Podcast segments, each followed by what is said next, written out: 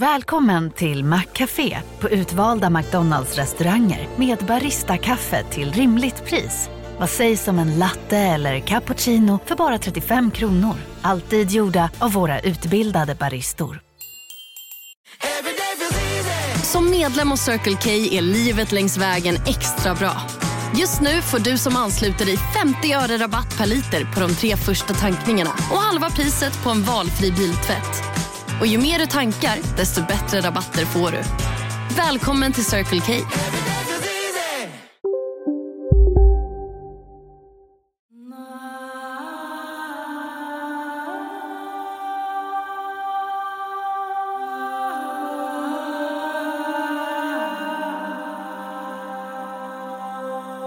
Oskar. Nu har vi tagit oss hela vägen ner till Göteborg. Ja, och eh, det är faktiskt eh, så att det här avsnittet eh, är ju ett av de mer ovanliga avsnitt, för vi har ju inte varit ute utanför Trollhättan på väldigt länge egentligen när vi har spelat in. Nej, vi har eh, kört den ner på länk och sen så har ju våra gäster kommit till oss och mött oss. Men det här är ju en eh, superspeciell gäst också. Det är ju någon Eller som vi har hur? växt upp med. Det är någon som har verkligen funnits i våra typ tv-skärmar. Våra tjock-tv när vi växte upp. Funnits i vårt liv under många, många år. Ja. Ja. Och vi har ju inte känt varandra och det är det som är så intressant tycker jag. Typ att man, man har liksom sett personen så ofta. Så att man ibland känns som man känner den. Ja, eller hur? Ja, precis. Och det, det är väl lite som eh, ibland när vi möter lyssnare så säger de ah, det känns som att eh, jag känner dig eller er och eh, vi har lyssnat så mycket och nu fick man ändå den känslan själv lite grann att eh, det känns inte som någon som man inte har träffat förut. Nej. Och eh, otroligt ödmjuk och eh, väldigt fin människa faktiskt. Här, den här Agneta Sjödin. Eller hur? Verkligen. Så att det, jag ser fram emot det här. Det ska bli så spännande. Och jag tänker lite grann så här att det som är intressant är ju det så här att Agneta har ju egentligen gjort en resa under en ganska lång tid egentligen. Men det känns lite grann som att man inte har vetat om det.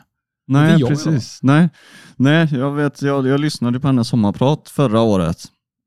Och eh, superintressant eh, för övrigt, så har ni inte lyssnat på det så gå in och gör det. Eh, det är bara att söka på Agnetas eh, sommarprat. Eh, och där, där eh, fick man ju reda på saker som, som inte jag visste tidigare, som var väldigt, väldigt intressant. Och där kommer vi ställa en del frågor kring också idag Mm. såklart. Verkligen. Och sen är det ju så också att hur har hon hunnit skriva så många böcker? Ja, eller hur? Är inte det sjukt? Det tar jättelång tid att skriva en bok. Ja, alltså jag funderar på om jag skulle skriva liksom så här ner några A4 om mig själv. Så det, känns som att det skulle ta faktiskt väldigt lång tid. Och att gå in så djupt som Agneta kanske gör borde ta ännu längre tid. Ja, så vi får fråga Vi också måste kanske. fråga mycket om en fråga här faktiskt. Det är många frågor. Många frågor. Eller hur? Väldigt många frågor. Men eh, ska vi göra så att vi kanske bjuder in Agneta med en gång då så att eh, vi inte blir så långrandiga. Vi vill ju fråga ut henne så mycket. Eller hur? Ja, men det gör vi. Välkommen Agneta! Jaha. Vilka fina ord Ja, som men ni det sa. är ju så Agneta, det, man får ju aldrig sticka under stolen. Du är ju extremt folkkär person egentligen. Ja, och det är ju ja. någonting som, som jag tänker lite grann, det måste ju vara svårt att leva upp till att vara så folkkär. Va? Det är svårt att leva upp. ja, men, Är det svårt att vara du? Hur mycket får du anstränga dig för att vara trevlig? Ja, nej, jag tror inte att det är så svårt. Sverige är ju ett ganska, ganska lugnt land på det sättet. Eh, tycker jag. mm. Eh, jag, tycker inte att jag, jag känner mig inte som en känd person. Oftast inte i Kanske alla fall. därför man oftast kanske blir folkkär, för att man inte ser sig så. Ja. Kan det vara så? Jag, skulle, jag tycker det är jobbigt när jag kände, känner av mitt kändisskap. Då tycker Mm. jag att det är jobbigt. Då blir jag stressad. I Stockholm känner jag ju typ aldrig av det. Ibland kan jag känna av det om jag kommer ner till, så här, till Göteborg och sådär, eller i andra städer. Då kan jag känna av det på ett annat sätt. Vad är skillnaden då? Ja, men då du? kan jag ju känna om folk kollar eller du vet, ja. Och jag, jag tycker inte om, för jag, alltså jag älskar ju människor, så det är inte det. Men jag, jag vill bara vara, jag, vill, jag är ju bara vanlig egentligen. Och då så blir det så här påtagligt på ett annat sätt. Och då tänker jag så här, undrar vad det är för tankar som går igenom nu deras huvuden. Liksom. Vad är det för bild de har av mig? Vad är, det de, är det utifrån nå- något de har läst i en tidning? Eller utifrån något tv-program? Eller har de läst min bok? Någon av mina böcker? Eller lyssnat på min podd? Det möter jag ju i och för sig ofta när jag är ute och går och så där kan jag möta oftast kvinnor då, för vi har väl typ samma lyssnargrupp, eh, ni och jag. Ja. Då möter jag så här, åh jag älskar din podd, eller åh jag tyckte så mycket om den här boken. Oftast är det den responsen jag får och då blir jag ju lycklig. För det är ju, där känner jag, där, det är där liksom mitt hjärta vilar väldigt mycket. I älskar när du, du springer runt på Fångarna fortet där och flåsar. Det tycker så här. Flås, jag flåsar inte, jag har sån nej, nej, men grejen är typ så här att jag och Fredrik är ju ungefär i samma åldrar. Mm. Eh, Kanske inte som dig, jag vet inte, du är något år yngre. 55. Ja, Du är du yngre än oss då. Mm, ja. Så, Jag är så, 55, jag känner mig som 38. och, och grejen är typ så här, jag minns ju när du hade Tur i kärlek med Mm. eh, Adam bland annat. Eh, och jag läste ju då, det var ju egentligen din debut ju. Mm. Och, och det är ju superintressant hur du måste ju verkligen vänt upp och ner på hela din... Ja, ja absolut. Vardag. Ja, det gjorde det ju verkligen för att jag, jag var ju, jag höll på med teater, jag sjöng i coverband och sådär. Jag bodde här i Göteborg 89, 90, 91 eh, och, eh, och ville bli skådis. Och så hade jag spelat lite teater i Norge, så jag var på väg till Norge för att jag skulle tänkte att jag kan jobba som eh, ljussättare, fotoassistent, stillbildsfotograf och sätta lite ljus i en fotostudio och så kan jag spela teater. Så det var min plan. Men då fick jag frågan att göra en audition för just det här programmet Tur och kärlek. För att de hade testat några olika och inte, hade inte klickat riktigt med någon. Och jag jobbar ju då som ljussättare på det här produktionsbolaget. Och då fick jag testa. Och då var väl jag ganska avspänd. Dels för att jag kände de som filmade själva den här audition som det var då och för att jag hade lite scenvana och sådär. Så att, ja, då fick jag det jobbet och då, började, då var det en annan väg som jag skulle gå plötsligt. Det är ju 31 år sedan. Det är så år. sjukt ändå. Ja, Ja. det är sjukt alltså. Och det sjuka i det här Livet hela... går så jäkla fort. Det, det, sju- ja, men, men det, Det gör sjuka i det, det men- hela, så när vi pratade faktiskt, när vi ska prata om lite andlighet och lite Mm. sånt, och så var det ju så att vi nämnde ju, vi hade ju ett avsnitt där vi pratade faktiskt om någon som kontaktade oss och frågade ifall det var normalt att kända personer kontaktade personer som inte var kända. Och då var det ett, eh, en av våra lyssnare då, som eh, är medium. Han hade skrivit Mm. till oss då och eh, sagt att eh, Adam Alsing dök upp här i mitt kök när han hade gått bort. Jaha. Och eh, jag vet inte riktigt varför sa han. Men eh, jag sa till honom typ att du kan inte gå den här vägen för att få kontakt med någon, sa han hade sagt då. Tydligen då. Efteråt fick jag reda på detta. Ah. Och då pratade vi lite grann om att Adam Alsing hade dykt upp hos någon av våra lyssnare och Mm. så vidare. Och pratade om det och pratade gott om Adam självklart. Ja. För han är fantastisk. Och eh, då skriver Adams bror till oss på Instagram Aha. och säger jag har fått höra av både bekanta och obekanta att eh, Adam hade kontaktat något, någon av era lyssnare. Typ så här. Ja. Och då hade de ju fått kontakt då, de två. Och den, det här Mm. lyssnaren var då ett medium? Ja, precis. just det. Mm. Och, och det är ganska, ganska sjukt ändå, för förmodligen hade ju då kanske då, vet inte jag, om Adam då, Han är en Ha- smart, Mm. Adam är en smart kille. ja, han visste ja. precis vilken Ja. väg han skulle gå för att få kontakt för med en att få släkting. kontakt med släkting säkert. Och när jag fick reda på det, när Adams brorsa skrev, då tror jag inte Peter var, någon sån här Daniel kanske han heter, jag vet inte vad han heter. Ja. Eh, och jag, fick ju, jag fick ju rysningar, jag tänkte så här, helt sjukt vilken Mm. omväg och vilken genväg han valde egentligen. Mm. Så det var ju helt, eh, helt kul där. Ja. Men alltså det där är väldigt intressant. Nu ska jag se hur jag kan berätta det här utan att lämna ut... Eh, eh, eh, eh. Det är ju...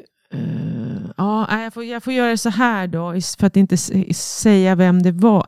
Eller jag vet, hur ska jag berätta det här? det är svårt. det här det var en kompis svårt. till en kompis en Nej, det var en kompis. kompis till en kompis. Nej, men jag, jag, jag chansar på att det är okej. Det var min, min eh, syster hade en man som hon hade levt med under några år som gick bort. Eh, och eh, hon kände ju, jag har fler systrar så jag behöver inte säga vem det är. Och, eh, och då kände hon att hon fick liksom tecken från att han fanns fortfarande omkring henne då när han gick bort. Och så en kväll så sitter hon och så säger hon att eh, snälla eh, du, säger hon då. Vi säger att han heter Stig. Det heter han inte. Vi snälla Stig, kan jag få ett, ett sista tecken? Liksom? Hon hade inte fått något på ett tag. Hon ville liksom känna att det fortfarande fanns någon sorts kontakt. Och så lägger hon sig och sover på kvällen. Och jag har, den här natten, det här visste ju inte jag om, men jag är då i Stockholm och på natten så drömmer jag hur jag kommer då till min syster och så möter jag den här mannen och jag blir rädd. Och jag bara tänker, nej, men, nej, nej, nej, du är död, du är död. Nej, nej, det är jätteviktigt Agneta, jag måste prata med dig. Det är jätteviktigt att du berättar för din syster att jag lever. Nej, nej, du är död. Nej, lyssna på mig. Och han satte mig ner, han var så bestämd. Du måste berätta för henne att jag lever, att jag har det bra. Och Jag var så här rädd och omskakad. Jag kommer ihåg jag vaknade på morgonen och min pappa var hos mig. Och Jag sa, men gud jag har haft en konstig dröm. Och så berättade jag för honom, ska jag berätta det här för min syster? Vad, vad, vad ska jag säga liksom? Ja, vi visste inte, jag ville inte att hon skulle bli upprörd och sådär. Och så ringer hon mig sen senare och så pratar vi och så, och så säger jag, ah, jag måste berätta en sak för dig. Jag vet inte hur du kommer ta det här, men det känns viktigt att jag gör det. Och så berättar jag det här för henne och så blir hon alldeles tyst. För då, och då berättar hon för mig, hon har bett om att hon ska få ett sista tecken. Och sen på natten så drömmer hon att hon försöker få kontakt med honom. Och, hon, och det är bara upptaget. Nej, det är, hon ska ringa och det är bara, du tutar bara Ja. upptaget.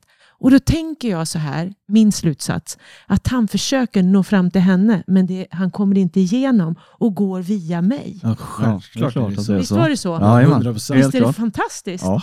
Och det är det jag tänker på när ni berättar om det här med Adam. De Mm. hittar ju vägar fram. Ja. Det är helt otroligt ändå alltså. ja, det är det. Men din syster då? Tog, Ja, ja, hon tog det jättebra. Hon Ja. blev jätteglad. För ibland blir det så här, om man inte kanske är så, eh, nu var det ju som tur var det ju Ja. liksom så, men det kan ju också vara lite känsligt Ja, det jag. var därför jag Mm. var lite försiktig sådär. Men det, nej, hon tog det Jag superbra. blev ju livrädd när jag såg att det stod Alsing på i DMet. Jag tänkte så här, nu kanske han blir sur. Någon som är vi- arg. Ja, för vi har lyft Ja. upp liksom där. Det var ju ingen, vi pratade ju allmänt, bara allmänt så. Ja, Så det är så här, shit, tänk om personen blir arg bara för att jag ändå lyft upp Ja. frågor, alltså prata om det Mm, liksom så här. Men jag tror Men- att det är så många som kan de få någon sorts kontakt liksom, så, så vill de ju det. Det vill man ju liksom. Men du har ju Ja. massa frågor till Agneta Fredrik. Du har ju suttit i hela går, gårdagen och... Ja. Passa på inte- nu medan jag leder. Ja, eller hur? Ja, men du, det, det är inga problem, vi löser det sen också i sådana fall.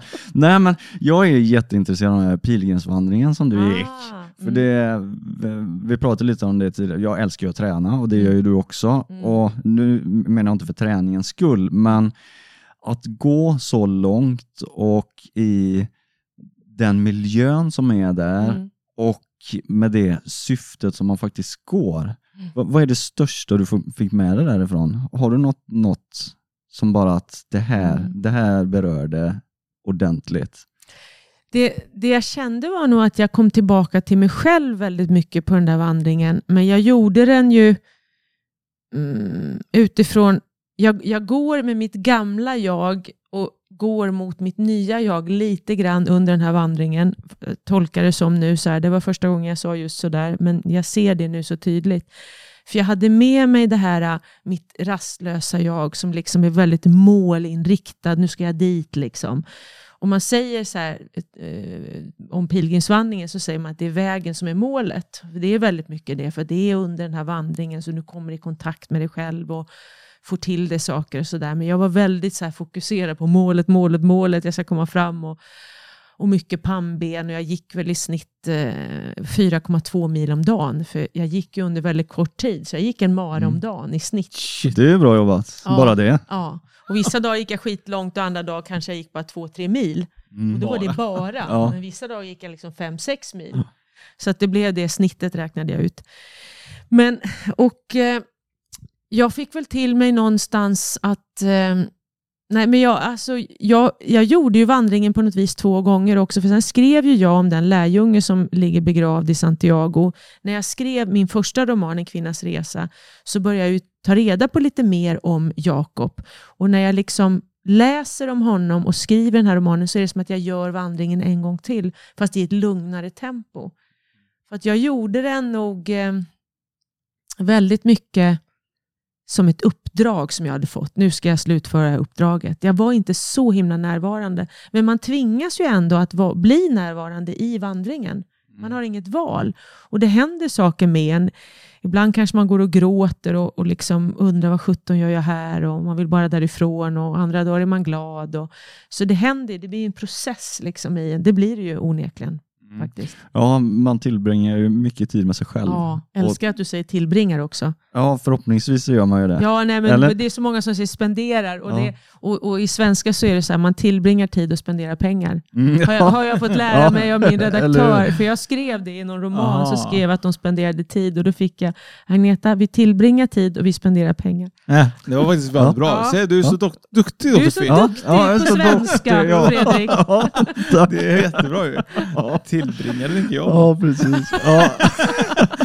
ja, men vi, ja, apropå det, det är ju lite kul för ibland så får man ju lite kommentarer in till, eh, till podden Mm. och eh, Oskar, eh, han är inte... Han, han, Fortsammare. Ah, ah, du nej, lite jag tänker, jag, jag, jag tänker, men han Nej. pratar lite fort ibland Ja. och kommer inte alltid på ord. Mm. Och så, vi har aldrig fått någonting på det, men så, så var det vid något avsnitt så sa jag det, vad var det jag sa nu? In, inom situationstecken Ja. sa jag.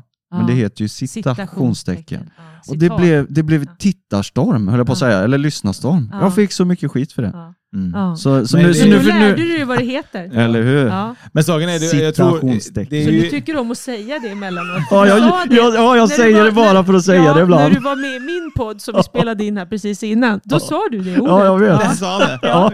Jag kommer ihåg det nu. Men, jag tänker på det varje gång. Ja, Men det är nog lite så. reagera. Ja, Folk reagerar inte oftast när jag säger dumma saker, för det är ganska vanligt.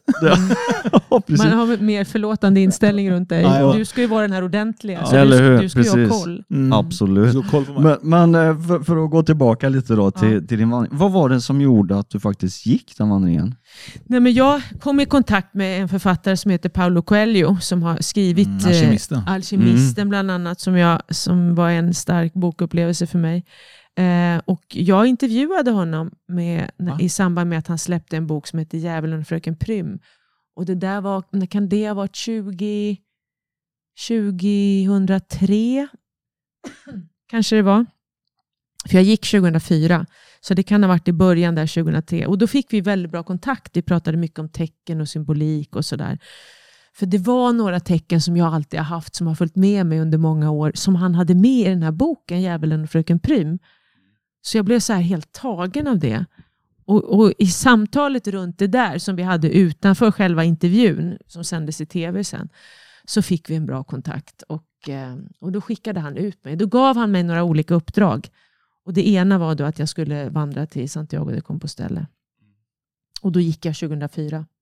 Det är snart 20-årsjubileum. Men Paolo, han, är- han är från Brasilien va? Ja. Ja, och grejen med honom är ju att han är ju superdjup och Ja. det känns som att han sitter med alla svar Ja, på... han är lite magiker, Ja, sådär, speciell. Är, är han det? Eller vad, Ja, varför han, är han är, det? han är väldigt speciell, Paolo. Och antingen är han det, eller så vill han att man ska tro att han är det.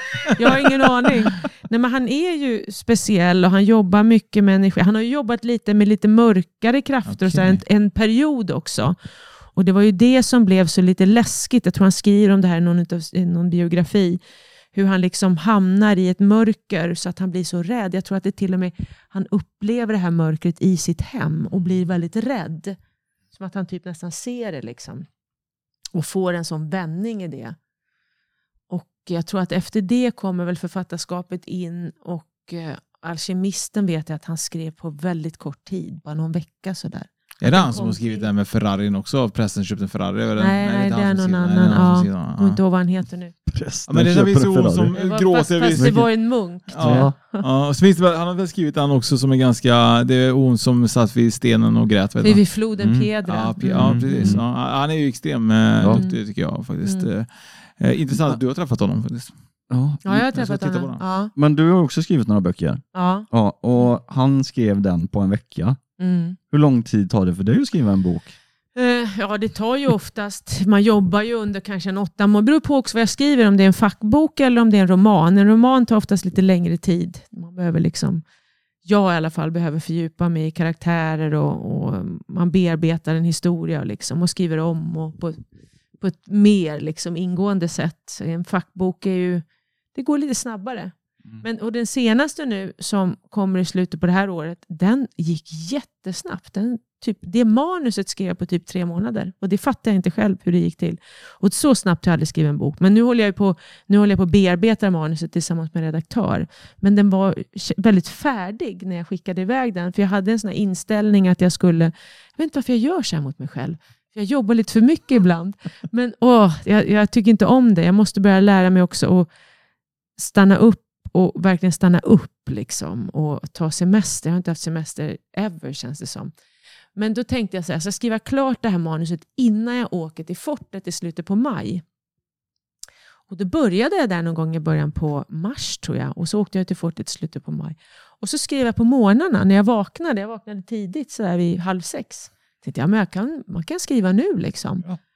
Och så gick jag och gjorde jag kaffe och så satt jag i sängen. Och så på bara de där timmarna fram till nio hade jag, fick jag jättemycket gjort. Så att den där boken, liksom, det gick otroligt smidigt. Jag fattar fortfarande inte hur det gick till. Men... Kan det vara kanalisering tror du? Eller kan det vara så? Nej, jag, jag vet faktiskt inte. Kanske lite, att jag fått lite hjälp och Ja. skjuts. Alltså det pratar ju många författare om, de som är lite öppna, att de ser sig själva bara som ett verktyg. Mm. För det har jag känt ganska tydligt med mina romaner. För ibland när jag läser dem efteråt så blir jag så här, var fick jag det här ifrån? Vem Då- har skrivit det Ja, här? vem har skrivit det här? Nej, men då kan jag verkligen känna det så tydligt, att jag Mm. bara har varit ett verktyg och att jag, jag får det i form av bilder liksom, till mig bara. Men du har ju Mm. skrivit en del böcker. Jag Mm. ser ju att den senaste boken i alla fall, vad jag kan se här, så är det så 100 affirmationer för hjärtat. Nej, den senaste är Så in i själen. Okej, så ja, det är den Ja. senaste. Ja, och det kommer en del, en uppföljare till den, fast den är ju helt fristående. Men jag, jag tror att jag kommer att göra en bokserie på Så in i själen, kanske på tre böcker och sen förhoppningsvis en roman igen. Mm. Men alla de här böckerna då, du har ju skrivit nästan, eh, nästan i snitt liksom en bok om året nästan. Eh, 2007, 2008, 2009, 2011 och så vidare. Mm. Vilken av de här böckerna känner du någonstans har liksom varit eh, kanske vad säga, påverkat dig mest eller känner på något sätt Mm. har eller gett dig mest att skriva? Det är väl de här som jag tycker är lite mm, mystiska och sagobetonande. Så där. Jag tycker om en av de tolv, som är den andra romanen efter en kvinnas resa, som handlar om den lärjungen Jakob Sebedaios. För jag kände mig så nära honom på något vis. Eh, och sen skrev jag en, en roman om Lucia, Ett ljus i mörkret. Och sen så skrev jag Flickan från paradiset. Och det är lite som en saga och den är lite mystisk och sådär. Jag trivs ju i, i den miljön eh, med den typen av böcker. Eh, så att jag längtar ju efter nästa sån bok. Så att jag, ja, vi får se vad som kommer. För det är, oftast måste det komma till mig sådär tydligt. Och då vet jag att det är dags. Ja. Jag får en idé, jag kan vakna med ett ord eller någonting. Då vet jag att okej, nu, är det- nu är det en bok på väg ner. Härligt. På väg ner. Ja, eller hur? Ja, jag har inte vaknat så ännu, men jag kanske gör det snart. Ja men det kanske man gör. Ja, Nej, men jag, jag, jag ser mig fortfarande inte som författare och då har jag ändå skrivit, sitter jag ändå med min tolfte bok nu. Mm. Men du vet, det är mer att jag ser mig mer som en förmedlare på något vis, en författare. Att det är något jag vill berätta och dela med mig av. Ja. ja, det är fantastiskt. Mm. Men du började med din resa inom det andliga ganska många, många, många, år, många år sedan. många, många, många. Ja, Så men- jävla många år sedan. Eller jag vet inte, men det känns som att du ändå liksom har... Nej, det eh, var, det var väl där 90... var inte så länge sedan. Nej, 90. Nej, nej, jag var 91, knappt, jag var knappt född då. Nej, men, jag, nej, men i samband med Maja där, 98. Mm. 98 Ja, typ. men 20 25, 25 Ja, år sedan alltså, ungefär. Mm. 24. Knappt, ja, mm. Men, men jag tänker lite grann så här, eh, har det varit eh, svårt att eh, liksom eh, finna sig själv i det här offentliga Agneta? Är det svårare ja, då? På, på ett sätt så var det ju det där i början, för då var jag lite så här, mm, då pratade jag inte så mycket om det. och, men jag ville ju också, jag var, jo men i början var jag lite nyfrälst som man kan bli när man upptäcker någonting som verkligen har betydelse för en. Det kan ju vara allt ifrån att du liksom hittat någon ny träningsform och då vill du prata med alla om löpning plötsligt. Eller du har fått barn och då ska du prata med alla om bebisar. Du vet, man är liksom in något nytt har hänt Mm, i ens mm. liv och man känner sig lite nyfrälst. Så att i början var jag nog ändå ganska mycket sådär. Jag vet att jag gjorde efter intervjun med Paolo Coelho så gjorde jag en intervju med Deepak Chopra som också sändes och det var rubriker där, Agneta och hennes guru och sådär. Det var bara folk tyckte jag var någon jävla ufo, tror jag. Men, Men så att- fick, men- du, fick du till det? det? Att folk tyckte att du var ett ufo? Nej, men jag kände ju du kände det. så, Liksom. ja. Ja, men jag, jag kände ju att vissa säkert tycker Mm. så om mig nu. Ja. Och, och det struntade jag väl lite i, samtidigt som jag någonstans i bakhuvudet tyckte att det var lite jobbigt. Men sen så tonades det väl det där ner lite grann, men så började jag ju skriva mina böcker de är ju väldigt spirituella, så att de som har läst mina böcker har ju följt med på min resa mycket. Men idag har jag ju kommit till ett läge där jag känner att nu har ju de här dörrarna till det andliga öppnats väldigt mycket mer. Väldigt många fler öppnar ju upp och är intresserade av det, så då känns det inte lika jobbigt. Och då vågar ju jag också ännu mer stå för vem jag är och vad jag tycker och tänker och tror. Och, då, ja. och Sen är det väl en åldersgrej också när man blir äldre. Man bryr sig inte lika mycket i vad folk ty- tycker då. Nej, nej, precis. Vi pratade ju lite i tidigare podd, Mm.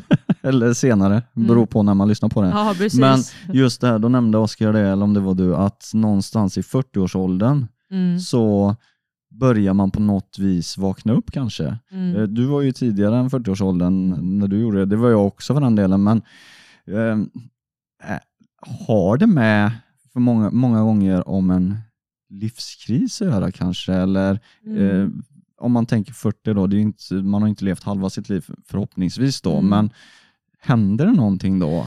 Men jag tror att det där är lite olika. Jag tror att vissa har säkert sådär någon form av livskris och känner att det här går inte, jag, jag mår för dåligt. Liksom. Något måste jag göra. Och i bästa fall så gör man något. Liksom. Medan andra kanske fortsätter att fly ifrån det och fortsätter liksom att döva det här som de mår dåligt av med, med olika typer av stimuli på något vis. Eller så kanske man känner sig kallad på något vis. För mig var det ju lite både och. Att jag kände att min självkänsla var så låg så jag tänkte jag mådde inget bra här inne. Jag slog rätt mycket på mig själv i, med tankar och så. Jag kände jag måste må bättre, jag måste börja bygga upp min självkänsla. Så den fanns ju där att jag fattade. liksom. Men sen var det också en väldigt stark dröm med en örn som var så tydlig och så detaljerad och så färgstark. Den var verkligen en dröm som jag aldrig har haft något liknande förut. Eh, och när jag vaknade så var jag helt tagen av det. Och, eh, och efter det börjar det hända saker. Så någonstans, det, det har jag kallat, det har jag sagt att det är min inkallelseorder lite grann. Så jag tror att det har jag läst också i någon bok, att det kan hända. Att man känner sig kallad, man har en stark dröm. Eller att man då går igenom en livskris, eller att man får en känsla, eller ser någonting, eller råkar ut för något. Så att det blir en sorts vändpunkt när man liksom börjar det här sökandet. Och det kan ju ske i olika åldrar i livet. liksom när det kommer. Men det, jag tror att det också är lite inprogrammerat i våra själar. Att vi har bestämt någonstans när vi kommer ner till jorden att ja, men då är det dags. liksom. Eller att någon liksom trycker på något. Nu måste du liksom, nu är det dags att börja tjäna. men jag- alltså, när jag var liten, jag kommer ihåg i tonåren, när jag bad kvällsbön. Sådär, för jag, jag gick i söndagsskola, så jag hade ju med mig någon sorts barnatro också. Sen älskar jag mystiken. Jag läste Sagan om ringen tidigt och sådär. Älskar det här mystiska.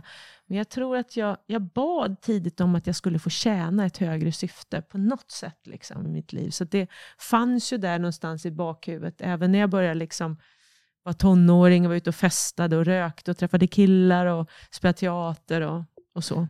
Men tror du någonstans typ så att vad tror du är meningen med ditt liv egentligen? Vad tror du liksom så att varför kom, om du tror på rekarnation eller tror du, Mm. tror du att du kommer tillbaka? Ja, men jag tror att själen går Ja. igenom många liv. Men vad tror du att din lärdom i det här livet ska vara? Eh, ja, att sprida så mycket som möjligt.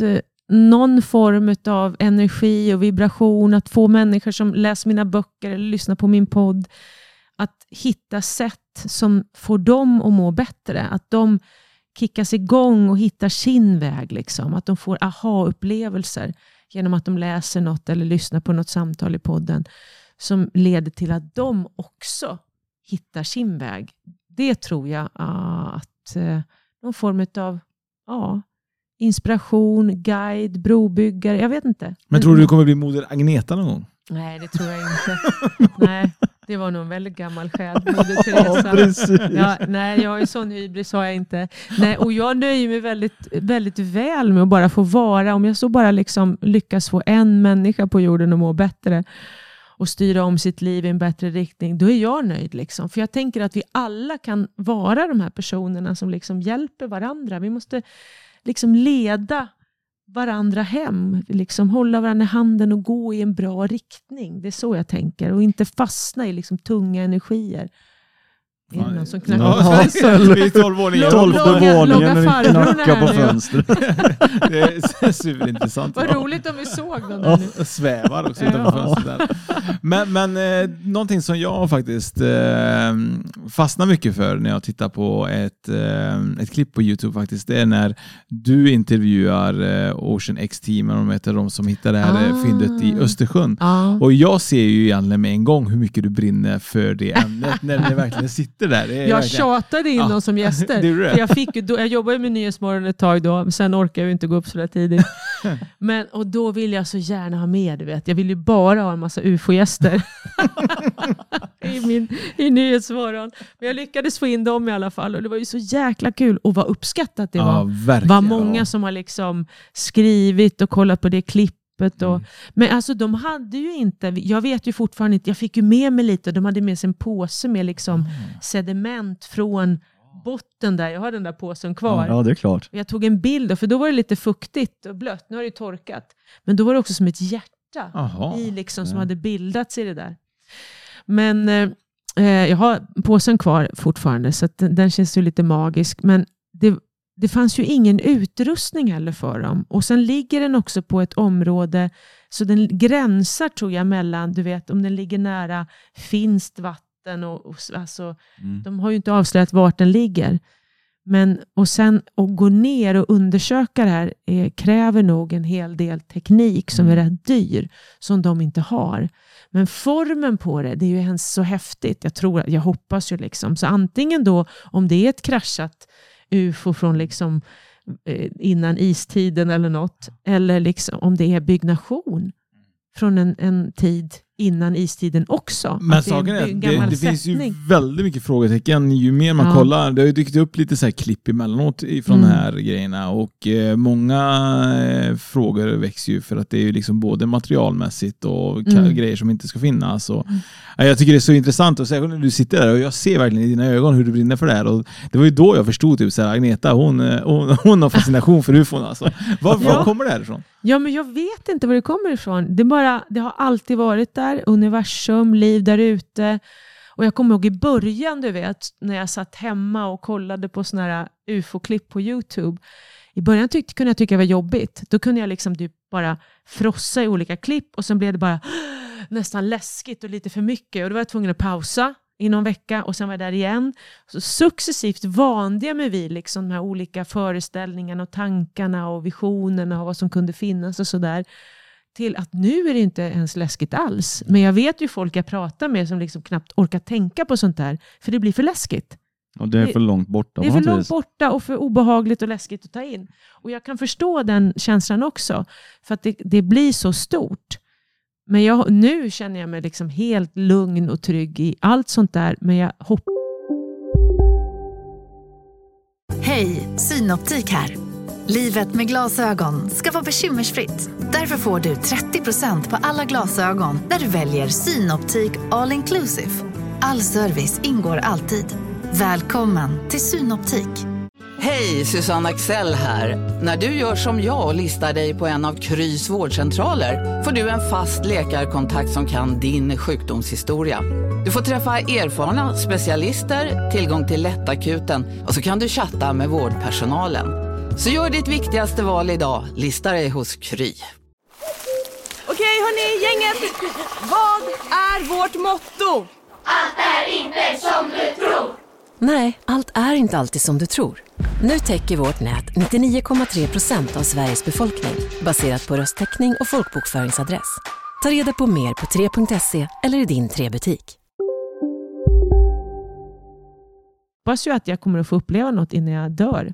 Ja, men det kommer du säkert få göra. Tror du det? Du, du, du, vi pratade lite grann om det innan ju, att Mm. eh, du kanske är utomjording. Du har ju till och med utomjordiskt blod kan man väl säga. Ja. Säger man inte så liksom vad man har? eh, ja, det beror på hur du googlar på ja, nätet. ja, hur man googlar. Allt Man är ju är- relativt. Ja, men så är, jag är ju RH-negativ och, eh, och det är då typ 15 procent av jordens befolkning inom de olika blodgrupperna O, A, B och AB som är sammantaget då RH-negativa. Och jag är A, A RH-negativ. Och RH står ju för den här rhesusapan. Eh, och, och är man då, ja, googlar man där så hittar man. Men, och är man RH-negativ då saknar man liksom den genen från rhesusapan. Så att jag har alltså inte apgenen. Och då kan man ju naturligtvis hävda att man är en alien. Är inte det sjukt ändå, typ så här, att man inte har den eh, genen? Ja, de, har, de har fortfarande inte riktigt förstått vad det här kommer sig utav. Nej, Och jag, så det är ju konstigt naturligtvis. verkligen. Det är ganska Ja. intressant. Jag känner mig lite så- speciell. Ja, är det det ska det 15 procent av befolkningen ungefär? Jordens befolkning, ja, ja. ja, Det är, har de räknat ut. Det är sjukt ändå. Ja. Man, för vi har ju gjort eh, några avsnitt här nu, i Mm. det sista, där vi pratar lite om eh, Egypten och pyramiderna och långskallar. Mm. Och för långskallarna, det, det är ju vad man tror då eventuellt folk som har bott på jorden Mm. Eh, innan vi Mm. som människa bor här. Mm. Och eh, Det är så märkligt hur folk har svårt att föreställa sig det här, att det skulle ens kunna vara så. Ja, eller hur? Jag, För när man pratar om så här, till- alltså vetenskapen då, den, den, liksom, eh, eh, den accepterade vetenskapen slår ju bort det här lite grann som liksom pseudovetenskap, som att det bara är humbug. mm, Men jag, jag tycker det är intressant att man gör det. För vad vet vi om, om vad som hände här innan is? Vad vet vi liksom? Nej, vi vet Ja. ju så lite. Vi vet ju så lite. men precis, och det, det är lite det här med att eh, det är ju flera lager på jordens yta Mm. och att eh, man hittar saker längre och längre ner i marken och Mm. eh, erosionen får fram nya saker. Eh, och just de här då att vara, jag, jag tror inte att vi som människor var de första på jorden. Mm. Och det, du kanske, eller de här RO-negativa då, ni är 15 procent då, ni, Mm. ni kanske härstammar från någon, någonting långt, långt, långt, långt tidigare. Ja, Mm. kanske det. Jag är säkert jätte, mer speciell än vad jag fattar. Det- det- Du är jättespeciell. Fattar ni vem jag är? Alltså, jag är ni kanske bara tror att jag sitter här en simpel tv-stjärna. Men nej, Nej, nej, nej, you nej. should nej. only know. Ja, verkligen. Det är, det är lite djupare än så. Men, men det som är intressant är ju lite grann så här, om vi pratar om det egentligen hur lång tid tillbaka i tiden vi kan gå oftast för att mäta och se saker. Så jag menar, om vi bara går tillbaka till det som egentligen då, vi säger 4500 år då, men enligt eh, Hans Orheim då, som var med i våra poddavsnitt, berättar att geologer i pyramiderna säger att sfinxen, sfinxen är över 10 000 år gammal. Liksom. Mm. Men om vi försöker då gå tillbaka och se vad som finns under ytan, och då är det, pratar vi bara 10 000 år. Liksom, så här. Mm. Och mina, jorden är ju 4 miljarder år. Mm. Så vi vet ju inte hur många generationer i liv som Nej. har pågått här egentligen. Eller vi har ju ingen aning egentligen. Vet, så här. Och uh, apropå det då, vi pratade om tidigare civilisationer. Så Mm.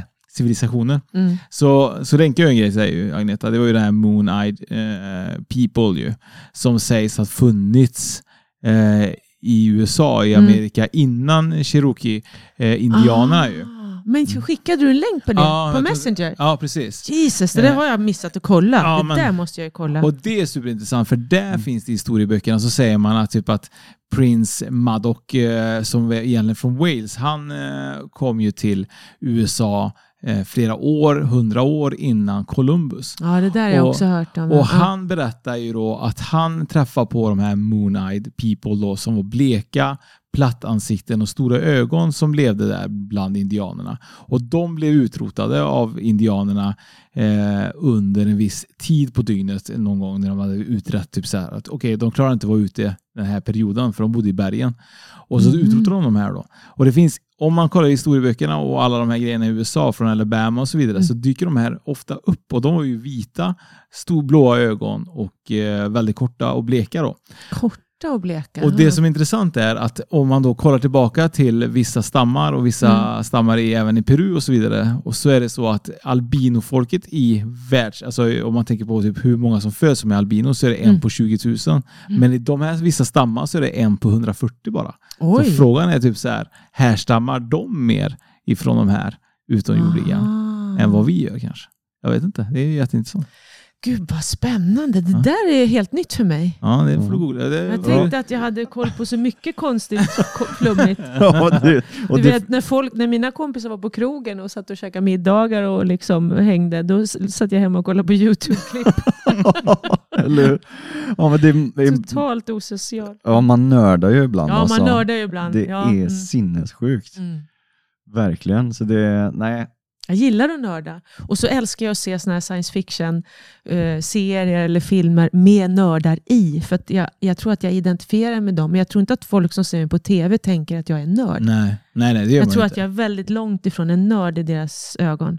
Men tror Ja. du på så här konspirationsteorier också? Så? Nej, jag är lite försiktig med sånt där. För jag är ju så här noga, för jag matas med konspirationsteorier hela tiden. Och jag blir lite mätt på det. För det finns så många olika nu. Och vissa är ju mer gräsliga än andra. Så att jag, jag orkar inte riktigt ta Mm. in de där konspirationsteorierna. Jag känner att nej, jag, jag orkar inte tro på någonting som får mig att må dåligt. Nej. Så jag kan ju förstå som sådana här som tycker att ufon får dem att må dåligt och då vill de inte tro på det. Och det först- har jag full, full förståelse för. Men jag, jag tror bara på sånt som liksom får mig att må bra. Jag tänker att det är viktigt att vi mår bra vi människor. För att Mm. mår vi bra så får vi en bra vibration. Så att, eh, mm.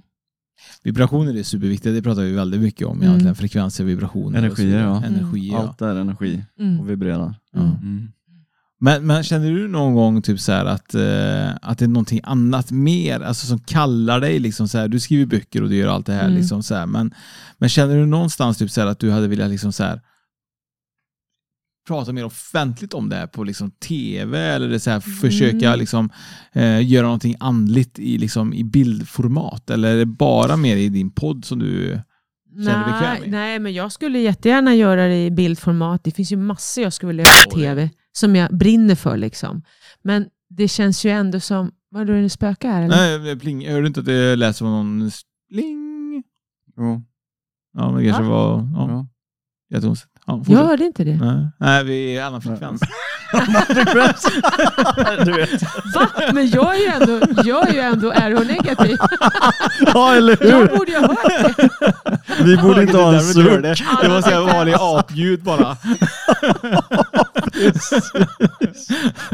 Det är som en sån här hundvisselpipa liksom. Ja, jag hörde Eh, nej, men jag skulle tycka det var jättekul att göra sådana saker i tv. Men det har inte, jag tycker inte att det har känts som att det har funnits öppningar för det. Så att, och då blev det ju en podd istället. Men jag tycker att det är jäkligt kul att göra podden, för jag är ju så fri där. Jag kan ju prata om precis vad som helst.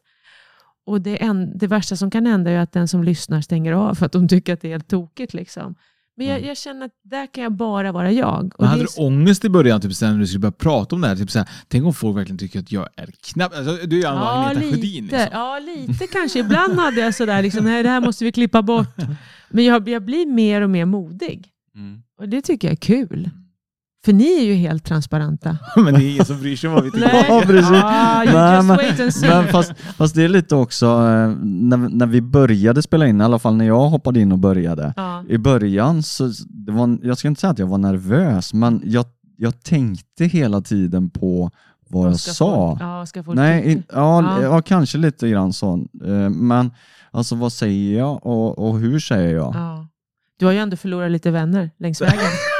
Eller Så att hur? något, något, fel, något fel har du Ja gjort. precis, så nu skiter jag i vad jag säger utan det, det får bära eller brista liksom. Men det här är ju superviktigt egentligen, för grejen är typ såhär, jag har ju alltid varit så, jag har också, jag, jag har ju ändå gjort väldigt mycket och träffat mycket egentligen offentliga Mm. personer, för jag har jobbat mycket med det. Men, men jag har aldrig brytt mig egentligen på, på, jag har ju min sanning, alltså jag har ju upplevt grejer när jag var yngre och det kan ingen ta ifrån mig, för jag vet att för mig var de här grejerna superäkta. Och jag är inte knäpp för att jag liksom tror det, för jag vet att det här har hänt. Liksom. Mm, Eh, och därför blir det så här att de som vill tro på det får tro på det. mm. De som inte vill tro på det behöver inte lyssna. Och egentligen har jag haft med mig det hela tiden. Typ så här att de som inte vill, som du säger, kan stänga av. Mm. Och de Ja. som verkligen är intresserade, de får gärna lyssna vidare. Ja precis. Mm. Eh, Men, ja, precis, men så upplevde jag. Men har, har du upplevt det någonting med, med din podd nu? Eller känner du att... Du, du, Ja. du är inte så styrd med podden, men, nej, jag är, nej, och jag är men inte det är så väldigt heller... många som lyssnar. Ja, det är många som lyssnar och som uppskattar den, vilket jag tycker är jättekul. Och jag är inte heller så bevakad medialt med min podd, eftersom det inte är, det är inte så många kändisar som är gäster. Och det är inte heller så liksom skvallrigt och sådär. utan Så att tidningarna har inte varit så intresserade av, liksom, så de lyssnar ju inte så mycket. Så därför så känns det som att jag liksom flyger under radarn hela tiden. Och det ger ju mig en större frihet att bara liksom köra på. Och Mm. jag tycker att det är härligt. Jag tycker det är jättekul. Jag tänker också, apropå det du sa nu Oskar, det här med att ja, jag berättar det här för att jag har upplevt det här och så kanske folk inte tror mig eller och sådär. Men det kan ju finnas andra där ute som har upplevt liknande saker. Så det är så viktigt att våga vara ärlig med vad man tänker och känner och vad man har upplevt. För att man hjälper ju andra. Det blir som en gigantisk delningscirkel där man liksom når ut till folk som kanske aldrig har vågat säga saker som de har upplevt och så plötsligt hör de någon annan som säger så bara Gud vad skönt, jag är inte ensam. Eller åh, har han också? Liksom. Så att jag, det är därför det är så viktigt att våga dela med sig.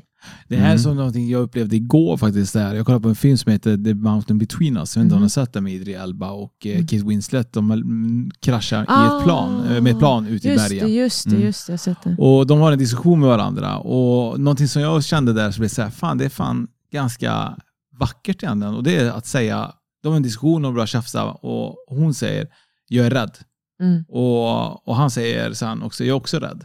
Och det är någonting som jag känner, det är väldigt sällan man hör någon säga att jag är rädd. Mm. Och för mig var det typ så här, vilken förståelse man får i en diskussion om man kan Mm. verkligen bara meddela att du, jag känner så här för jag är rädd. För jag vet inte riktigt hur jag ska hantera den här situationen till exempel. du Vet, så här. Och då blev det så här, vad sällan jag hört någon säga till mig typ så här, Ja, jag är eller- rädd. Eller hur? Man Mm. säger liksom, äh, det här tycker jag är jobbigt, Ja. eller det här tycker jag är läskigt. Ja. Eller, men man säger sällan att jag är rädd. Rädd ja. Nej. Och då blev det så här, gud vad jag förstod henne helt plötsligt. För att hon, det var så mycket känslor för hon är rädd. Mm. Och det tänkte jag så här, bara att kunna förmedla en sån sak Mm. till varandra. Mm. Att man verkligen kan ha en dialog med varandra och öppen och ärligt. Vad mycket Mm. det kan hjälpa egentligen oss, oss Mm. själva och den som ska förstå oss. Mm. Det är just därför Mm. det är så viktigt att, att våga dela, Mm. dela med sig. Delar många med sig till dig privat? Eh, om dina, nu, för vi upplever många eh, folk som eh, skriver till oss. Jag kan tänka att det skriver ännu mer till dig. Eh, kan du Mm. relatera eller kan de relatera till dig? Eller är det, känner de att de är för, du är för offentlig för att förstå dem? Eller? Nej, nej, men det är många som skriver och eh, jag hinner ju inte alltid ge respons på allt. Men det är, ja, framförallt är det väldigt positivt att de känner att, att de blir, ja, att det är saker som sägs i podden som får dem att liksom tänka till och förändra saker och känna sig inspirerade och de känner att det liksom håller uppe deras humör och energi genom att lyssna liksom varje vecka. Det upplever jag ju rätt mycket. Jag har ju också mycket fokus på lyssnare. Jag tänker hela tiden någonstans här bak på den som lyssnar. Hela tiden är de med liksom i rummet. Vad kan, kan, åh det här kanske blir knäppt, nu kan de inte, nu måste jag förklara. Eller ja, men nu kanske man kommer kom med något råd här. eller någonting. Det kanske ni också tänker på? Eller? Men ja, det gör man Ja. ju. Alltså, Jo. det, är ju det sjuka jag tänker, för typ så här, du har ju många lyssnare Mm. och om man samlar alla dina lyssnare i ett rum så blir det jävligt mycket. Liksom, så här. Mm. Men sen så här, nu är det på tv så är det typ så här, halva Sveriges befolkning som tittar. Mm. Känner man sig väldigt, alltså jag tänker typ så här, i din podd så kan du säga vad du vill och så vidare, du är inte så Mm. styrd och så vidare. Men det måste ändå vara väldigt svårt att veta typ att en miljon människor sitter och kollar nu på Fångarna på fortet och de ska se mig springa för trapporna. Det är så här, Mm. Jag börjar tänka typ så här, är det, är det, börjar man tänka mycket hur ser jag ut? Eller hur, hur jag beter mig? Eller kliar mig i näsan? Eller kliar mig i örat? Eller så här. Jag, jag tänker liksom så här, Mm. vi förstår ju aldrig när vi sitter och spelar in så här, för det är ju ingen som Mm. är här.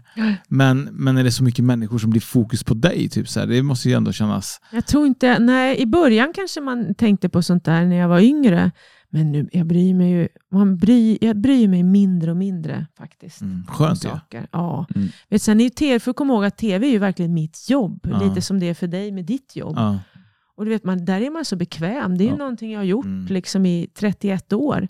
Jävlar vad länge alltså. det är ju inte ens är- konstigt för mig att gå in och göra en direktsändning. Nej. För det är bara liksom, ja, Det var det. det är vad det är och Ja. så bara kör jag liksom. Och det är ju det som är lite kul, det är därför jag fortsätter liksom med tv också. Jag tycker att det är så roligt, jag känner att det här är verkligen något jag kan och har gjort mycket. Men och så därför blir det ju många olika saker. Det är ju podd och skriva och tv, så då blir det ju också svårt att hitta den här lediga tiden inser jag. Men, Shit alltså, hur hinner du med egentligen? ja, jag vet inte. Jag, jag är aldrig ledig. och så är jag singel. Det, då är det lätt att hinna med saker. Ja, ni, ni har ju familj och barn, fast jag har i och för sig ett barn. Men, Ja. ja, men det kanske underlättar för då tänker man mycket på sig själv. Liksom, så. ja, jag är fu- fu- fullständigt självcentrerad Ja. faktiskt. Men, men, men, Ständigt självcentrerad. Nej, men det är ju väldigt lätt att vara själv. ja. Det är ju också en fara i det om man har varit själv länge, att det blir bekvämt. Jag bara tänker så här, hur ska jag klara av att släppa in någon i mitt liv?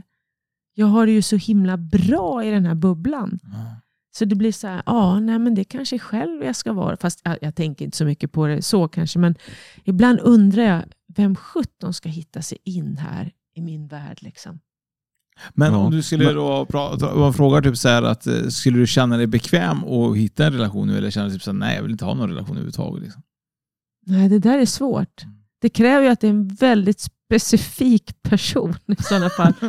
Det, det gör ju det. Det är ju Mm. inte bara liksom så här, ja, nej men det vore väl kul att ha någon. Det är verkligen inte där jag är. Nej. Måste kunna Det mycket om måste funka, för jag är ju, jag är ju som jag är. Jag, jag har ju liksom fått, fått liksom en sorts, jag är ju bekväm i det liv jag har. Jag, jag vill ha någon sorts frihet med att kunna liksom göra allt det jag ska göra. Jag ska spela in podd och du vet, jag ska göra saker, jag vill resa. Du vet.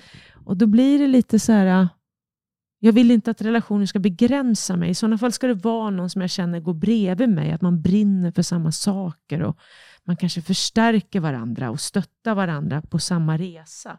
Då ska det vara mer så. Inte att man liksom drar åt olika håll, för då tror jag att det blir väldigt svårt. Mm. Om eh, vi skulle vara singlar så hade vi dejtat Agneta. Hade ni det? Vilket jävla Ja, ja, ja, självförtroende ja. han hade, han, den här killen Oskar. Ja, ja. Han, han är sån. Han är Ja. sån. Han sån. Då hade vi gjort det. Jag tar för givet att jag, att jag hade sagt ja. nej, Liksom. nej, nej, nej, verkligen inte. Men, men det, men det. Du Men måste det, veta vad det är för blodgrupp först. Ja, precis. Eh, Hur speciell är har, du? jag, har jag A-blod så är det kört. Ja, det är kört. Jag har Men- inga Men A-blodisar. känner du någonstans typ så här att, eh, att det kanske är ganska bra för självutveckling att vara ensam? För jag känner ju så här i min relation, liksom så, här, så, Mm. så har vi varit tillsammans i 22 år Ja. och då är det liksom så här, man är ju inte riktigt liksom självständig på det sättet. Man är självständig men till en viss gräns. Du vet, så Mm. här. Man lär inte känna sig själv på samma sätt som man kanske är själv och det tror jag är väldigt viktigt för självutveckling också. Ja, fast jag tror kanske tvärtom. För att det är ju i relationer som du utvecklas också. När du själv Mm. har du ju ingen du projicerar saker emot. Det är ju jättelätt att gå runt och tycka att man är världens härligaste människa när man är själv. För det är ingen som trycker på de där knapparna Nej. liksom, som får en att bli irriterad. För så fort det är någon som gör det och man blir irriterad eller arg, då är det någonting där som du kan lära dig. Varför blir jag arg? Varför blir jag irriterad? Vad, det, vad, vad gick igång i mig nu här? Liksom? Vad kan jag lära mig här?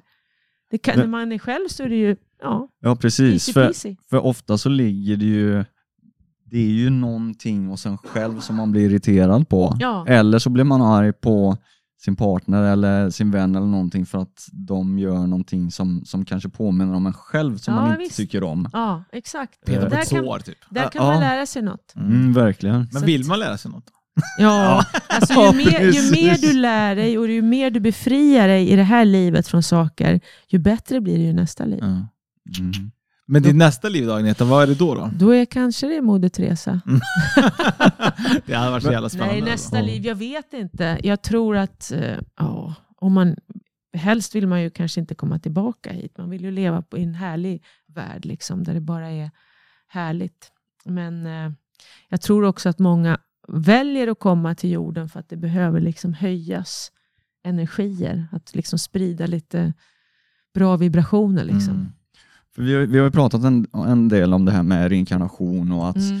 att eh, vi kommer tillbaka och sådär. Vi skojar ibland om att varför, och det här med att hitta sitt livssyfte. Mm. Varför är jag här? Mm. Att varför kunde man inte få den här boken eller instruktionsboken när man föddes? Att det här, det här är din, din resa i Ja. det här livet. Varför, varför ska det behöva gå ett halvt liv, eller kanske mer än det, Mm. för att man ska komma underfull med vem man är och vad man har för syfte, om man ens hittar sitt syfte någon gång. Mm. Ja, det beror på hur väl man lyssnar inåt. För att man har ju med sig det här syftet och det ska man ju då upptäcka på något vis, för det finns ju liksom i en. Men jag tänker att den här resan man gör till att man kanske vaknar till någon sorts insikt att ja, men det är det här jag ska göra. Då samlar ju, man ju på sig en massa liksom saker som man behöver ha med sig för att förstå sina medmänniskor, för att förstå för att liksom utvecklas som person. Så man får ju med sig, alltså allt jag har lärt mig fram till idag har ju gett mig oerhört mycket kunskap. Eh, och tror, hade vi vetat varför vi var här, då kanske vi hade missat alla de här törnerna och stötarna som vi har fått fram till att vi liksom kommit till insikt med vad vi ska göra. Man missar ju det, då, för då kanske man går direkt hit. Liksom. Ja, men jag är här nu för att jag ska, nu ska jag sprida ljus. Och, och så ska man börja man med det, men man, man Mm. behöver få med sig också, man behöver få med sig en förståelse vad det innebär att leva på jorden, vad det innebär att känna smärta, vad det innebär att känna glädje, vad det innebär att få känna sig, känna sig bortvald eller inbjuden. Det är så mycket sånt vi måste få med oss för att kunna bli liksom, kunna förmedla någonting bra till andra. Men sen kan det ju vara de som inte ens vaknar upp och förstår liksom att ja, det här är mitt syfte. Man kanske liksom flyr ifrån sitt syfte, man orkar inte, man orkar inte lyssna. Liksom. Och då kanske man missar det, då får man komma tillbaka nästa liv och så gör man samma sak igen. Liksom. Alltså jag, jag måste berätta om en författare som heter Oscar Busch, som jag har nämnt i min egen podd vid några tillfällen och även i min nästa bok. Han var en författare som levde på ja, var det väl sekelskiftet 1800-1900 eller om det var tidigt 1900. Men han var inom det militära, men han skrev också böcker, väldigt spirituella böcker. En bok som är uh, så fantastiskt vacker som fortfarande säljer som heter Hur människoöden tvinnas. Och den handlar då om två bröder som växer upp i tiden mellan det att, att Sverige lever i någon sorts hedniskt och går in i den här kristna tiden. Man går liksom från en asatro till någon kristendom och sådär. Där lever de. Och, eh, och det blir liksom en släktfejd, det blir en fejd, i någon gård som går i arv och så är det en kvinna som det blir svartsjukedrama. Så att det slutar liksom med mordbrand och mord och grejer mellan de här bröderna. Och så möts de på andra sidan som själar och så bestämmer de sig för liksom, nej men det här måste vi läka. Vi, vi, vi kan inte avsluta det så här. Vi, vi läker det här nu så vi går ner på jorden igen. Och så går de ner på jorden igen. Men så upprepas det här igen med liksom mord och så. Eh, och det tar fyra inkarnationer innan de har läkt de här såren. Så, och, och han pratar ju om att de böcker han skriver, de, är liksom, de har bara kommit till honom. Han ser sig själv som ett, bara som ett rent redskap. Men det är väldigt häftigt. Så att, Svensk författare alltså? Ja, Oskar Busch. Och han, jag, jag älskar hans böcker. Och det är det som är så häftigt också. Därför är det så viktigt att förstå hur, hur, mycket vi, hur viktigt det är att vi faktiskt förlåter så mycket vi kan. Att vi inte går runt och bär på liksom, man är bitter och irriterad på någon och sådär. Och har de här konflikterna, för de följer ju med bara. Så att försöka befria sig själv och höja sitt medvetande så mycket som möjligt känns så viktigt i det här livet. Det är ju i alla fall mitt mission. Vi har ju faktiskt träffat eh, Agnetas eh, tvillingsjäl ju. Mhm. Var det inte systersjäl? Vad var det? Har.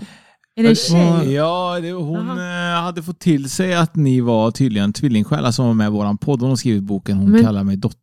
Tvillingsjäl, vill du träffa, Eller jag, jag vet träffa inte. en man. Ja, ja, men eh, hon kan Jag säkert skulle vara en träffa man. Du vet. man! Är det en tjej? Ja, men eh, hon har Men är skrivit det en inte en bok i alla fall. själsfrände? då? Ja, För själ- själsfrände kanske det var. Jag vet Ja, för inte. tvillingsjäl är ju alltid Ja. ens Ja. andra hälft. Ja, men du ju kanske leva är det. Du, har aldrig kanske, du kanske får utforska. Ja, jag får ju utforska här. Är hon snygg?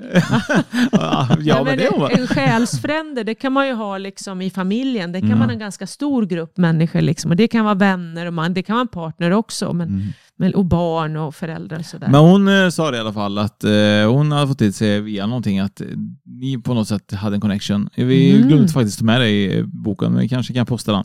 Eh, eh, Hon kallar mig dotter heter boken av Åsa Grimpe Danielsson. Ja. Mm. Eh, Mm. Så att eh, jag vet inte, ni kanske... Spännande. Ja, verkligen Mm. spännande. Så, så att, eh, du, Det kanske, får jag kolla upp då. du kanske får kolla upp det, för jag vet Mm. inte riktigt. Hon hade ju läkt sig själv väldigt mycket. Hon hade ju haft Mm. eh, kronisk reumatism och så har hon varit uppe i någon eh, ställe där munkar var och eh, varit inlåst i jättelång tid för att liksom så här, eh, gå in i sig själv. Och, Mhm. eh, Alltså silent retreat. ja, silent Mm. retreat. Ja, Ingen sån här dark room, utan Nej, tystnad. nej, Nej, Ah, tystnad. Ja, nej, Typ inte- Vipassana. ja, typ något Ja. sånt där. ja. Mm. Mm. Eh, och, och, och så vet vi vad vi pratade om det i alla fall och då Mm. så hon, hade hon nämnt det i alla fall. Så Mm. att, eh, du kanske har eh, många själsfränder, tror du på det? Ja, alltså jag tror, där har man ju, jag läste jag 144 någonstans. Ja, det är någon kompis som skrev det på sin hemsida. Nej, men jag tror där har man ju, själsfränder kan du ha fler. Men en tvillingsjäl är, vad jag har förstått det, ja, man kanske har fler där också, men, men eh, jag tror inte att det är så många. Nej. Tror du att du Man kommer eh, hitta din tvilling själv? Har du hittat den kanske? Kan det Ja, vara det- ens dotter ibland kanske? Nej, Jag det måste vara Maj- kille sa du va? Ja, nej men, om man, ja, nej, men Maja tror jag absolut är en... eh, Vi är väldigt tajta själsligt. Det känns som att vi har haft flera liv ihop. Det känns väldigt tydligt för mig. Mm. Eh, och så. Och, och, eh, hon ju, hade ju mycket så minnen från tidigare. Jag, jag tror att hon, jag har en känsla av hennes tidigare liv så där. Och att vi har haft också tidigare liv ihop, ganska många. Men du hade gjort regressionsresa. Mm. Minns du, eller vill du dela med dig, vart, vem var du eller vart var du? Eller? Jag tyckte inte jag fick så tydliga saker, men, men det som jag var häftigast från min regressionsresa, det var känslan jag fick när jag dog och vad som hände med själen. Det var så tydligt för mig och det tyckte jag var häftigt, för att när jag väl dog så var det som att jag upplever hur själen var liksom större än jag. Att den liksom expanderade, så fort den lämnade kroppen så expanderade den. Och Det tyckte jag var en häftig känsla. Och Sen upplevde jag ju hur jag var någonstans som inte var jorden. Där jag var liksom med i någon sorts skolsal och, och att jag träffade väldigt kärleksfulla människor. Och hur vi var vänner och hur vi liksom peppade varandra. Att bra jobbat på jorden i det här livet. Och det var lite den känslan. liksom. Ja, härligt att ändå. man liksom gick igenom så vad jag hade lärt mig och att man bara liksom gjorde någon sorts inventering av livet. Ganska Ja. coolt ändå. Ja, Mm. det är det som är livets skola. eller? Ja, ja Mm. faktiskt. Det är lite så jag har sett på det också. Ja. Då är det viktigt att man försöker utveckla så mycket som möjligt. Och det är rätt mycket man har att skala av. Jag märker ju det. Jag kan ju märka liksom hur, hur svårt jag har att släppa in någon. Liksom. Jag, jag känner att jag har skyddat mitt hjärta verkligen. Och det är ju saker som från barndomen som är liksom har, har liksom skapats av otrygghet och, och sådana saker. Och det, det där kan ju ta tid. Liksom, Har du mycket låsningar, tror du, av från din barndom? Ja, men jag tror det. Jag, jag upplever att det är en hel del faktiskt som, som jag har, där jag skyddar mig. Och jag har inte fattat det förrän jag har alltid tänkt att det är männen det handlat om, att det är de som inte släpper in mig. Men så har jag på senare år börjat fatta att nej, det är ju jag som inte släpper in dem. Mm. Då händer det ju liksom inte. Då kommer man, djupnar man ju inte. Det hörde vi förut när vi inte fick dejta Agneta. ju. Ja. Jag släpper inte in Jag någon. släpper inte in Nej. någon. Det, det är Men- svårt. Innan vi avrundar så Mm. vet jag inte om du har något mer att säga, men har du några tips till typ så här, våra lyssnare kanske hur man eh, hur, hur de ska liksom komma i kontakt med sig själva? Typ så här, vad är viktigt för, för dig och vad gör du? Liksom, mediterar du varje dag eller Nej. räcker det med en kopp kaffe? Jag, jag, jag gör det där i omgångar har jag mediterat, men, men nu så... Jag, jag, jag försöker ha lite koll på mig själv. Jag försöker liksom känna in, vara väldigt närvarande i känslor, vara objektiv med mig själv och studera liksom, varför reagerar jag så här? Vad är det som händer? Dels det. Sen har jag ju ja, jag har rest med plantmedicin, sådana också. Eh, gjort sådana plantmedicinresor som ayahuasca och lite sådana här kaktusgrejer. Mm. Som, Ja, Som du är ja, sugna på. som Ja, ni är ja, sugna precis. på. Vi- Och det har hjälpt mig kan Mm. jag säga att hitta, alltså det finns en intelligens där som har hjälpt mig väldigt mycket. Så att jag har stor vördnad liksom för de processerna och det djup jag hamnar i då och de bilder som kommer till mig. Så att, eh, mm, de har ju hjälpt mig och öppnat upp lite. Men alltså jag, då insåg jag ju också att shit, jag har bara skrapat på ytan. Vi är ju Ja. rätt komplexa vi människor och vi har med oss så mycket från de här första åren i livet. Och de där första åren i livet, allt vi upplever där, det är sånt där som vi fortsätter att upprepa, liksom, fast vi inte fattar det. Mm. Ja, men det är ju det. Alltså, de säger någonstans att mellan 0 och 6-7 års Ja, ålder, exakt. det, det är då vi blir inprogrammerade. Mm. Eh, Mycket av ens vanor och tankar och mönster och Mm. uppfattning om omvärlden och, Mm. och sånt, det kommer ju där. Exakt. Och det är det som man sen då under resten av livet Mm. försöker öppna upp Mm, och mm. man ifrågasätter, är allt som mamma och pappa var, Mm. sa sant? Mm. Eh, hur upplever jag omvärlden och vad, vad är sant för mig? Vad tar jag till mig? Mm. Så att, eh, ja, det, det är intressant. Mm. Ruggigt intressant. Ja, det är det. Livet är intressant. Mm. Men eh, ja, jag vet inte Agneta, har du någonting annat du vill tillägga? Någonting, vi vet ju älskar ufon och det är egentligen, vi Ja. hade kunnat prata så mycket mer om, om ufon och Nej, så men vidare. jag tycker man ska lita på sig själv och bara känna in vad är, vad är sant för mig? Vad är viktigt i mitt liv? Vad är sant för mig? Man ska lita, lära sig att lita på känslan man har liksom. och inte tro blint på allt. Mm. Känner man inte att det känns sant inom en, då, man behöver inte tro på allt som folk säger. Och det är väldigt viktigt att ha med oss faktiskt. För det, var, det, det är också någonting som vi på Oskar och Fredrik då, eh, vi bjuder in väldigt mycket gäster och så vidare och alla talar ju sin sanning och vi lyssnar och vi tar gärna till oss informationen men Mm. alla får ju känna in själva ifall man vill tro på det eller inte Mm. för det är väldigt, väldigt viktigt faktiskt. Absolut. Exakt. Så att, eh, med det sagt så, så vill man in och lyssna på Agnetas eh, podcast Mm. så gör man det också på alla plattformar och det heter ju Så in i själen. Mm. Eh, och där bjuder ju du in väldigt många gäster inom olika eh, saker, även Mm. faktiskt vänner och bekanta som du har lärt känna längs vägen tror jag. Mm. Som kanske inte alltid är andliga men de har säkert en livshistoria att berätta. Ja, precis. Så att eh, det är super, Mm. supervackert. Kul det var att få vara med i er podd. Ja men det är alltid kul. Jätteroligt att få prata med er. Eller hur? Hör du vad jag sa? Det är alltid kul. Ja, det är alltid roligt. Var, varenda gång. Ja, kom du ihåg i förra livet när vi satt och poddade? Ja, precis.